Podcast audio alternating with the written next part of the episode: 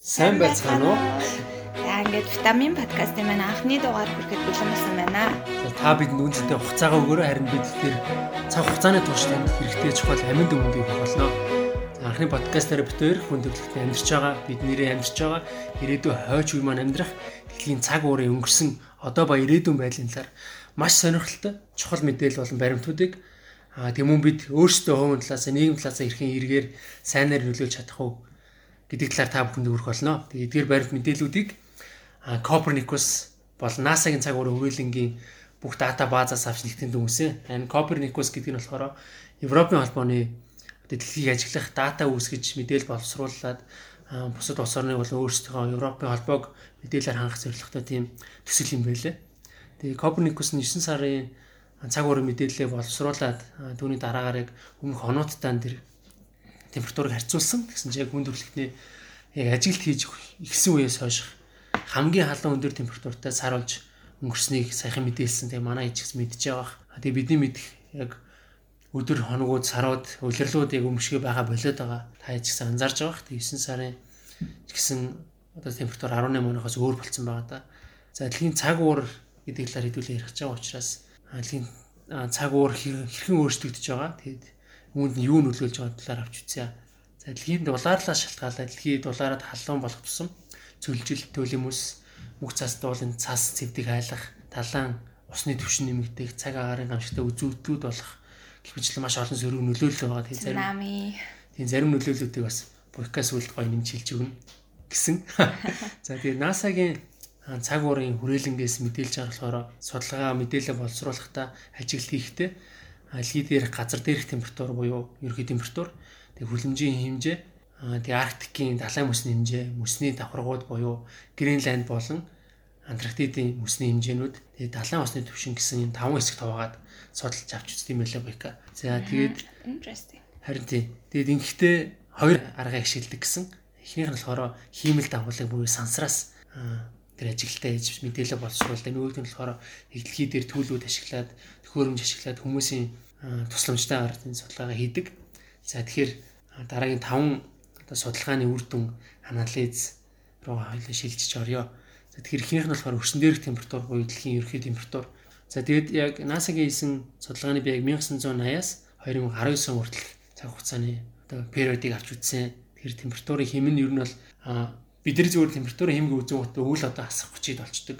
100 нэмэх 30-д болчдөг. Тэгэхээр одоо миний ярих чаа температурын битүүр ярих чаа температурын өөрчлөлтийг та нар сонсоод гайхах бах. Гэхдээ урьдчилаад хэлэхэд дэлхийн температур 1-2 градусаар буурахад л жижиг хэмжээний мөслийг бий болох боломжтой. 1-2 градусаар одоо нэмэгдэхэд талаа усны температур нөлөөлөх одоо маш халуун дулаан гангач болох боломжтой. Тийм одоо 1 градусын өөрчлөлт хийж нөлөөлдөг гэдгийг та бодчоорой. За тэгээд дэлхийн температур нөлөөлж байгаа чухал зүйлсийн нэг нь болохоор ерөөхдөө хийнүүд азот эсэл метан хүлэмжийн хийнүүд байгаа да. За 1880-аас 1976 хүртэл дэлхийн температур өөрчлөлт дандаа сөрөгдөхтэй байсан гинэ. Хүүтэрж исэн гэсэн үг тэр үед. Тий харьцангуй өмнөх жилүүдийн харьцуулгын тариа температур нь буурсан гэсэн. Тэгээд 1976 оноос хойшоо хагаарын хэмжээ тогтмол өссөн бүр ерөөсөө нэг ч сөрөгдөх байгаагүй. Тэгээд дэлхийн хамгийн дулаан халуун жилүүд нь 2001 оноос хойшоо 18 жилийн турш тохиож байгаа гэсэн. 2016 онд болохоор дэлхийн яг ажиглал хийсэн мэдээлэл боловсруулсан датанаас үзэхэд хамгийн 7 жил нь болсон гэж үзэж байгаа. Тэгээд энэ болохоор 1.2 градусаар жилийн хэмжээнд дунджаар нэмэгдсэн гинэ. Тэгэхээр яг түрүүний минийсэн чинь 1 градусаар нэмэгдээд юу болох вэ гэдэг тийм хэмжээний нөлөөллүүд бий болсон байгаа гэсэн. Тэгээд энэ үуч гисэн улс орнууд илүү байгааг энэ зүйлийн эсрэг анхаарч гисэн тий. За дараагийн нь болохоор хүлэмжийн хий. За хүлэмжийн хийний үүрэг нь болохоор дэлхийн эрчим хүчийг зохицуулж идэг баланстай тэмцвцээ байдлыг нь хадгалах үүрэгтэй. Тэгээ хүлэмжийн хий хэмжээ нэмгэрүүл дэлхийд хүүдэн ойрхон гэсэн. Харин эсэргээрээ хүлэмжийн хэмжээ зузаараад нэмэгдвэл дэлхийд дулаарл болно. Тэгэхээр хүлэмжийн нь болохоор ер нь хідөө дэлхийг ингээ бүрхцэн нэг агаар мандал бүрхүү бүрээс бүрхүүл асааны давхраг. За тэгээд хүлэмжийн хий одоо дийлэх хувь буюу 76.1 70%-ийг нөөц хүчлийн хий буюу CO2 эзэлж идэг гинэ. За тэгэхээр CO2 нь юунаас яаж ялгар тийм бэ гэсэн чинь одоо нөөц түлэх шатаах те мод түлэх шатаах машины түвшний зарцуул тэрийн шатлалтуудаас одоо янгаас харж авахта бүгд CO2 юм байна л да. Тэгэхээр хүмүүс байгалийн балансыг алдагдуулаад маш хэмжээний нүүрс хүчлийн хий хүлэмжийг ялгаруулад нөгөөдөл нь зузаараад одоо дэлхийд тулаарлаад байгаа гэсэн. Гэсэн ч юм байлээ. Тэ бид нар зэн тодорхой хэмжээнд өөрсдөө мэдчихэж байгаа. За тэгээд энэ хэмжээг тооцохдоо 1 саяд байгаа хэмжээгээр нь тооцдог гинэ. 100-ны одоо тэдүү гэдэг шиг агарын найрлагын 1 сая шүү дээ. Тий. Тэгэхээр 1980 онд яг юм тийм measurement хийсэн байл та. Судалгаа хэмжилт хийсэн. Тэгсэн чинь 1 саяд 338 хэсэг байсан гинэ. Үүнээс хойш 2019 он хүртэл тасралтгүй өсөөд 19 оны байдлаар 1 саяд 411 хэсэг болоод нэмэгдсэн байна. Энэ болохоор 1980 онтой харьцуулахад 23% өссөн гэж. Энийг сонсчихсан чинь надад нүг Монголын хамгийн их утаатай үед нь энийг хэмжүүл одоо хит гаргалаа гэдэг айц төрчлөө. 3 4 хэдэн оронтой таашрах юм мэдгүй тийм. Харин тийм. За тэгээ дараагийнх нь болохоор Арктикийн мөсний хэмжээ. Жил бүрийн 9 сард Арктикийн мөсний хэмжээ хамгийн бага хэмжээнд хүрдэг. Тэгээ жил бүрийн 9 сард хүмүүс нэг адилхан хугацаанд хэмжилтээ хийдэг. Юм байна л да. За тэгээ 1980 онд анх анх ч байгаа хэмжилтийг дээрээс өмнө хэмжилтүүд хийгдсэн. Тэгээ миний болохоор аваад үзсэн period time болохоор 1980-аас эхэлж байгаа. За тэгээд 1980 оны хэмжилтээр 767 сая км квадрат мөс байсан гинэ. Тэгсэн чинь 19 оны байдлаар 19 он хүртэл яг 1980 оноос хойш тасралтгүй мөсөө алдаж уссаар агаад. Тийм мөсний хэмжээ нь ерөөс нэмэгдээгүй. Тэгээд 2019 оны байдлаар болохоор 432 сая км квадрат болж багассан. Буюу 335 сая км квадрат мөсөө дулаан далаа тайлуулаад алдсан байна.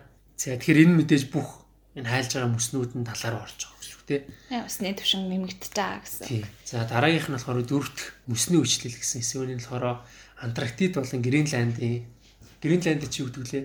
Арай өөрөөр хэлдэг л үгүй л. Аа үгүй дэлхийн хамгийн том арлал гэж газар зүйн хичээл дээр үзчихсэн юм байна. Арай өөрөөр хэлдэг байна. Гренланд болон Антарктид дэх мөсний хэмжээг хэмжсэн судалгаанууд байна. За энэ нь болохоор 2000 яг 2 оноос хойш хайл хайл нь маш хэмжээний мөсийг алдаж эхэлсэн гинэ. Тэрнээс өмнө бол харьцангуй гайгүй байсан байлээ. За Антарктидын болохоор 2002 онд 66.2 гигатон мөс алдсан. Тэгээ тэрнээс хойш яг 2017 хүртэл тасралтгүй одоо мөсөө алдсаар 2017 онд оны байдлаар 1870 гигатоныг мөсөө одоо хайлуулаа алдсан байсан. Амар 15 жилийн хугацаанд 66.2-оос 1870 хүрсэн гэхээр зэрэг бүр ингээ асар хурдан байсан гэсэн үг. Маш хэмжээний мөс ингээ алдагдсан байна. За Гренландын хувьд бүр энэ үзүүлэлтээс баг хоёр дахь их үзүүлэлт. За. Тэгээ Гренландд болохоор 2002 онд өөрчлөлтгүй 0 байсан гинэ. Нэг л. Гэснээр түүнээс хойш бас 17 хүртэл адилхан тасралтгүй өссөн яг дэлхийн дулаар дандаа 90 үзүүлэлт байсан чинь тий.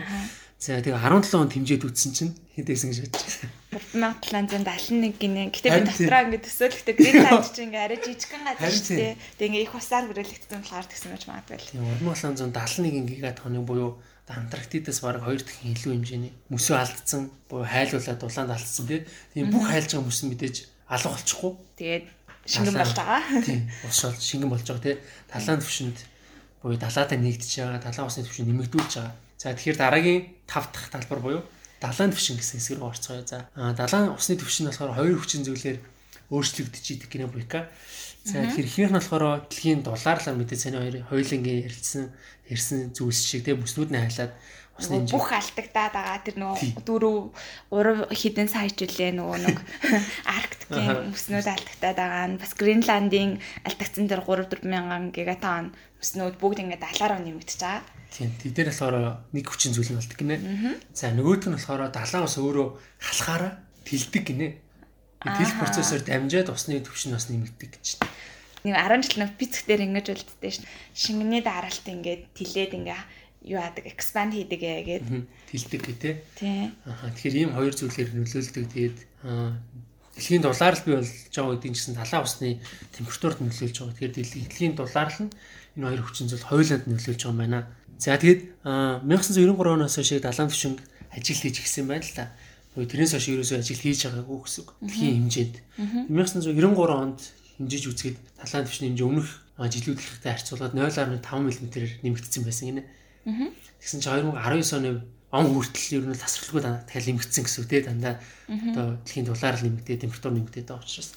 Тэгээ 19 оны байдлаар хэмжээд үтсэн чинь бараг 100 мм нэмэгдсэн байна. Энэ болохоор зүгээр жижигхэн гол мөрөн ч юм уу те аягтай усны тухай яриаггүй дэлхийн далайн усны хэмжээ ярьж байна.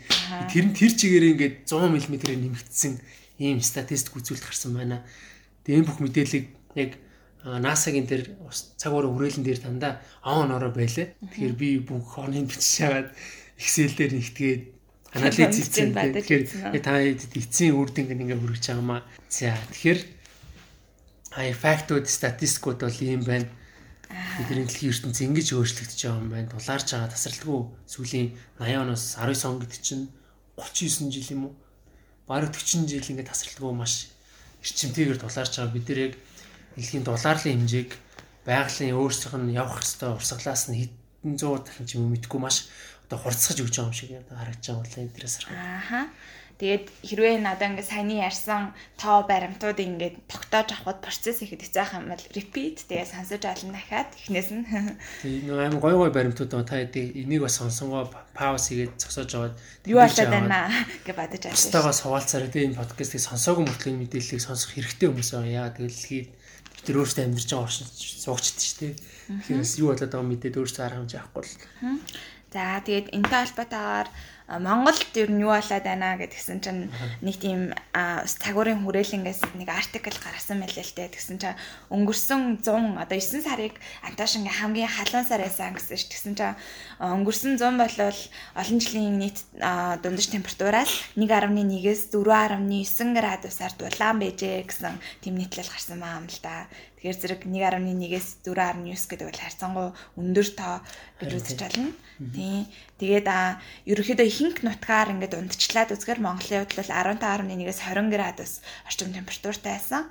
Харин нөгөө уулархаг хөсгөлийн уулархаг нутаг хангаантгүй дараалахаар зэрэг хасах 1.3-аас 15 градус орчим байсан бол дулаан одоо говийн нутаг нутгуудаар бол 20 20.1-ээс 26.4 градус байсан байх нэ. За тэгээд одоо ингээл ийм байсан байна, ийм байсан байна гэж тэгжээдэг. Гэтэл ингээ ирээдүйд ер нь Монголын уур амьсгал хэрхэн өөрчлөгдөх юм бэ гэдгийг ингээд нэг ирэх 100 жилийн прогноз ингээд гаргацсан байгаа юм л да нэг таамаглал. Тэгсэн чинь өвлийн улирал, зуны улирлын температурууд ингээ яаж өөрчлөгдөх вэ гэдгийг харьцуулсан.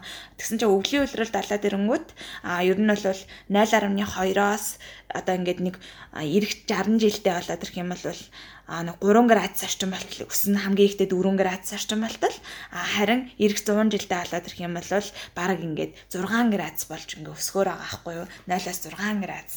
Тэгэхээр түрүүний нөгөө миний хэлж яриадсан 1 градус гэдэг чинь 6 болчихоо тийм 6 градус гэхээр бүр Бүр аимшигтай юм болж байгаа болж хуурхаа. Тэгээд нөө түрүүний факт юм бол дэлхийн дулаалын хэмжээ. Энэ болохоор Монголын өвлөө. Тэгэл тэгэл их тоо тооны хувьд л аягүй их тоо. Харин зуны улирлын хувьд бодоод үзэнгүүт ингэж байгаа байхгүй юу. 0-аас ингээд 4 градусын хооронд ирэх а 100 жилийн орчим ингээд өөрчлөгдөж дулаарнаа гэж үзсэн байгаа. А тэгэхээр өвөл бол илүү дулаахан болгон байна. Болгон байна. А 100 болвол арайч өвөлшигтэй гэж дулаарахгүй. Гэхдээ бас 0-аас 4 градусаар температур ихсэх нэ гэж үзэх нэ. За тэгээд нөгөө талаараа одоо ингээд дэлхийн дулаар л бол бидний эрүүл мэнд байгаль орчинд нөлөөлөхөөс гадна одоо бидний мөнгө санхүү дэлхийн эдийн засагт яаж нөлөөлж байгаа юм бэ гэдгийг сая өнгөрсөн 100 болсон дэлхийн эдийн засгийн форум дээрээс нэг юм нийтлэл гаргасан байлээ л те. Тэгээд энэ нас шууд танд нөлөөлөх боломжтой. Яг одоо таны хийж байгаа ажил чинь байхгүй болох боломжтой. Одоо бүхэн гоё гоё цаашаа хүнд фактууд хэлчих чинь. Тэгээд тэгсэн чинь энэ дээр ингэсэн байхгүй юу? 2030 он хүртэл ингээд assumption буюу ингээд ер нь бол таамаглал ингээд гаргацсан. Гэсэн чинь 2030 он гэхэд дэлхийн долларлаас болоод ингээд 80 сая хүн ажилгүй болно гэж байгаа байхгүй юу. Яагаад энэ 80 сая гэдэг тоо гаргаж ирсэн юм бэ гэхээр зэрэг 2030 он хүртэл дунджаар одоо жилд 1.5 градусаар дэлхийн ингээд дулаараад байх юм бол энэ нь одоо идэвхтэй ажлын цагийг а 2.2 хувиар бол ингээд юу ааж бууруулж ирнэ гэж байгаа байхгүй юу. Тэгэхээр энэ нь 80 сая хүн ингээд бүтэн цагийн ажлаа алдна гэсэн тийм тооцоо гаргаж байгаа гэсэн үг. Ингээд мөнгөний үед бодоод ирэх юм бол 2.4 тэрлэн буюу их найт тийм доллараар хэмжигдэх тийм одоо зарлага гаргаж байна гэсэн үг. Ийм болж байгаа. Тэгэхээр нөгөө талаараа энэ бол хүмүүсийн эрүүл мэндэд асар муугаар нөлөөлж эхэлнэ. Тэрээд эрүүл мэнд моднаа гэдэг чинь тэр хүмүүс өөрсдийгөө эрүүл мэндэ ингээ анхаарч үзэх юм тарианы мөнгнөөс ахгуулаад хамгийн энгийн зарлагууд, урсгал зардлууд бол гарч ирэх нь байна. Халуун орнуудад бас айгүй янз бүрийн хал вирус энэ тэрэг одоо манад байдгүй зүйлсүүд байгаад байдаг шүү дээ. Дэлхийн нийт ирээд дулаар бол аль аль талтаа янз бүр өвчин гарч ирэх магадaltaй. Яар зөв. Яа зөв зөв.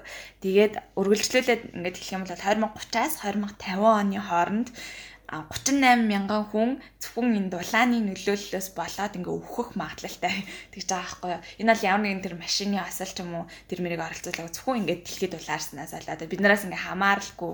Гэхдээ бас хамааралтай л та тэр зүйлсээс болоод. Аа өөхөх магадлалтай гэж үзсэн маа. Тэгээд аа яг мөнгөний хувьд яаж хамгийн гол нөлөөллөд орж ирэх вэ гэхээр хөдөө аж ахуй одоо ингээ гадаа ажил хийдэг салбарууд хөдөө аж ахуйн хувьд л болохоор 2030 он гэхэд идэвхтэй ажлын цагийнхаа 60%-ыг бол энэ дэлхийн талаарлаас болоод алднаа гэсэн тийм судалгаа байгаа юм. Тийм сонсож ийн манай нүүдэл чарт юм ээ. Тариаланчдад бол айгүйх нөлөөлнө гэсэн бас Тэгэхээр нөгөө нэг тариаланчт нь ажлын цагаа алдна гэдэг чинь тариалан гай ургацаа бүр авч чадахгүй. Тэр хүмүүс илүү баг тариа төрөө хүмүүс нөгөө хэрэглэх болж үргэлж байгаа шүү дээ. Эргээд чинь гуйрал гэсэн үг шүү дээ. Тэгээд аа тэгсэн чинь энэ ингээ амар эвгүй би ингээ уншижсэн чи ялангуяа эмгтээчүүд энд ингээ айгүй нөлөөтэй байна. Тэгэхээр эмгтээчүүд эрэгтэйчүүдтэй харьцуулахад нөгөө биеийн хүчний ажлыг даах чадвар муутай учраас хөдөө аж ахуйн салбарт эмгтээчүүд бол ажиллаа алднаа гэсэн байна. Тэгээд бас 2030 он гэхэд construction буюу барилгын салбар ч бас гадаа ажилладаг салбар. Барилгын салбар ч гэсэн идэвхтэй ажлынхаа 19%-ийг алднаа гэж үлдсэн байна. Тэгээ энэ бол ялангуяа зүүн өмнөд Аз, Африкийн жоохон тийм буурай хөгжил мотой орнуудад илүү ихээр эдийн засгт нөлөөлөх боломжтой аа гэж үзсэн байна. Тэнгүүд дам дамаараа аялал жуулчлал, спорт, тээвэрлэлтийн салбарууд ч гэсэн идэвхтэй ажлын цагаан дулааны нөлөөллөөс болж алднаа гэж үзсэн байна. За тэгээд энд 2016 оноос эхлээд ер нь бол ингээд дулаарч эхэлсэн хамгийн халуун жил байсан гэж Антош дөрөв факт дурдсан. Яг тэрнтэй уялдаатаагаар ингээд 2015 онд Парист одоо уур амьсгалын өөрчлөлтийн эсрэг тийм нэг улс орнуудын agreement гэрээ хэлцэл ингээд хийсэн байгаа юм л да. Тэгээд тэрэн дээр болохоор ингээд дэлхийн дулаарлын одоо жилд нэмэгдэж байгаа температурыг ингээ 2% хувиас илүү гарахгүй байхаар ингэж барья гэсэн тийм одоо хилцэл хийсэн байгаа ингээд болж өгвөл 1.5 тэгээ 2%-аас илүү гарахгүй байхаар барья гэж үздсэн байгаа юм л та. Тэгээ тэрнтэй холбоотойгоор би энэ ингээд нөгөө нэг дэлхийн хамгийн их хүлэмжийн ялгаруулдаг 10 улсыг ингээд сонгож үтсэн байгаа юм л да. Тэгсэн чинь хятад улс 26.6% хүлэмжийн ялгаруулдаг гэсэн байна. Аа USA буюу Америк бол 13.1%, Энэтхэг 7.1%, а Орос 4.6% гэдэг ихний ингээд дөрөв хувийн одоо эхний дөрвөн энэ топ улсууд л одоо дэлхийн хүлэмжийн ялгаар хэллийн бараг 45% ингээд эзэлцдэг гэсэн үг. Тэгэхээр энэ улсууд бол яалтчгүй ингээд улс орны хэмжээнд дэлхийн нийтийг ингээд хамарж байгаа учраас долларын эсрэг бол алхам хийх хэрэгтэй болж эхэлж байгаа. Тэг үүнтэй холбоотойгоор нэг сонирхолтой мэдээ гэх юм бол хятадууд одоо ингээд нөгөө 2015 онд энд гэрээнд ороод нөгөө хилцэлд орсноосоо болоод хүлэмжийн ялгаруул хий ялгаруулах ахыгаа басгахын тулд бол гангийн үйлдвэрлэлээ багасгах шийдвэр бол гаргасан. Гэтэл эргээд ингээ гангийн үйлдвэрлэл багаснаар монголчуудаас нөгөө худалдаж авдаг илчлэг ихтэй нүүрсний экспорт бол биднэрээ хувьд ингээ багасч ирсэн байгаа. Тэгээд тэгэнгүүт бид нар манай эдийн засагт аль жоохон муугар нөлөөлсөн болоод ирж байгаа байхгүй юу? Манай экспортын чинь гол одоо хүлээн авахч болсон хятадчүүдтэй тий. Тийм ялангуяа нүүрсний хувьд бол за тэгээд ийм ийм нөлөөтэй байна. Бидний амьдралд ингэж нөлөөлж байна гэж ингээд эргээд бит хоёр бол ингээ подкастаа дуусгах та хувь хүн бид нар ингээд дэлхийн долларын эсрэг одоо юу хийж чадах юм бэ? Ямар алхам хийж чадах юм бэ гэдэг талаараа ингээд чаленж таадыг хийх гэсэн. За За. За энд тэгээд амьдрал амар хэрэгжүүлэхэд амархан зөвлөмжүүд байгаа юу. Тэгээд хамгийн нэгдүгээрт нь бол аль аллах дахин ашигладаг одоо юу бай гэж байгаа байхгүй юу. Дахин ашигладаг бай гэдэг нь бүтээгдэхүүнүүдээ одоо кофений өөрийн гэсэн аяхтай бай, усны савтайгаа яв. Аа тэгээд гадуур явж байхдаа болохоор зэрэг аль аллах өөрийнхөө тортой яв, хуванцар уут битгий хэрэгэл гэд ингэж аа. Аа гой гой уут зарагддаг болсон тий. Мм. За тэгээ 20 дугаарх зөвлөмж нь болоод ирэнгүүт гэрлийн шилээ соль гэж байгаа байхгүй юу. Энэ нь болохоор манайхад өдрийн гэрэл гэж нэрлэдэг шүү дээ. LED гэрэл гэдэг. LED гэрэл ашигласнаар бол нэгдүгээр тог хэмнээ нь 2 дугаар байгаль орчин сайн нөлөөтэй юм аа гэж байна. Тэгээ 3 дугаарх зөвлөмж нь болохоор зэрэг нэг тийм санаанд оромгүй юм шиг гэхдээ хамгийн том нөлөөтэй зөвлөмжүүдийн нэг энэ нь болохоор хамгийн одоо тийм ухаалгаар баг жолоо бариа, баг машин бариа тэгснээрээ хөлөмжийн ялгарлыг багсгаж чаднаа гэсэн байна байна. Манайхан дугуун дугуун. Начиг дугуун. Санхүү ч гэсэн юм хэлтэй. Эрүүл мэнд ч гэсэн тустай. Амар их класс гэсэн тий. За дараагийнх нь зөвлөмж дөрөв дэх зөвлөмж нь болохоор зэрэг одоо нэг сүүлийн үед цахилгаан барааны компаниуд ингээд тог бага иддэг ийм ийм сайн нөлөөтэй бүтээгдэхүүн гэдгээр айгүй хөрсөлддөг болсон. Тэгээ та анзаарах юм бол ингээд energy гэсэн тэр одоо ингээд цэнхэр бичгтэй юм цагаан одтой тийм бүтээгдэхүүнүүд ингээд харагддаг байгаа. Тэднийг авах юм бол тог хэмнэн тэгээ бас энэ байгаль орчинд сайнаар нөлөөлнө. Тэгээд а 6 дахь зөвлөмж нь болохоор хамгийн энгийн ерөөсөө л тог ашиглахгүй болвол ингээд унтраач сур цахилгаан хэрэгсэлж бай өрөөний гэрлүүдж бай. Ерөөсөө ашиглахгүй л унтраач сур за дараагийнх нь болохоор мод тарих гэж аахгүй. Монголчууд ингээл энэ бол нэг өвөг дээдсээс мод тарих хэвээр гэдэг нэг тийм хогтхон байдаг шүү дээ тийм ээ Тэгэхээр мод тарснараа нэг мод тарснараа та нэг жилд ялгаруулах хөлөмжийн хэмжээгээ олвол одоо ингээд нөхөх бишээ тэрийг одоо ингээд recover хийх боломжтой байж болно. А гэтэл Монголын нөхцөлд үгүй чаж магадгүй л дээ бид нар яагаад гэхээр маш ихийг ялгаруулдаг учраас. Тэгээ би нэг дэлхийн дулаар хөлөмжийг судалж исэн чинь ойгуудл хой мод тогтлол бэлтгэл хой модыг одоо тайрж хайж байгаа ч гэсэн дэлхийн дулаар аяг хүчтэй нөлөөлж байгаа юм бэл. Тавчхандаа. Тэгэхээр мод тарих нь бас эргээр нөлөөл. Аа. Яа тэгээд битари хувьд бол ингээд эдгээр зөвлөмжүүдээс эх 7 хоногт эх 2 7 хоногт ингээ боломжтойг нь мэдээж амьдрал дээр хэрэгжүүлнэ. Би очиад ямар ч гэсэн өрөөнийхөө гэрлийг үзье гэж бодож байна. Яг LED үгүйг мэдэхгүй байна. Би бол жилжингэл дугуунлаа. Нэг машинаас утаа гаргаагүй би. Тэгэхээр сайн байна. За Тэгэхээр таад маань бас эх 7 хоногудад эднэрээс аль зөвлөмжийг нь амьдралтаа хэрэгжүүлэх боломжтой түүнийг хэрэгжүүлээрэ тэгээд ямар санагдаж байгаа сэтгэлдээ бас бид нартай хуваалцаарай гэж хүсэж байна. За тэгэхээр яг энэ цаг мөч хүртэл хамт ирсэн бүх сонсогчдод баярлалаа. Тэгээд дараагийн дугаараараа бид тээр хоол хүнс тэгээд цаг уурын өөрчлөлт гэж яаж нөлөөлдгийг гэдэг тал дээр судалгаа хийгээд материал бэлдээд танартай хуваалцуулна. Тэгэхээр энэ өрөөд өнөөдрийн маань дугаар мэрлэж байна. Анхны подкастыг минь сонсон бүх хүмүүстээ баярлалаа. Аа нэг хүмүүст нь хоёр хүмүүст баярлалаа. Тэгээ дараагийн дугаар хүртэл баярлалаа.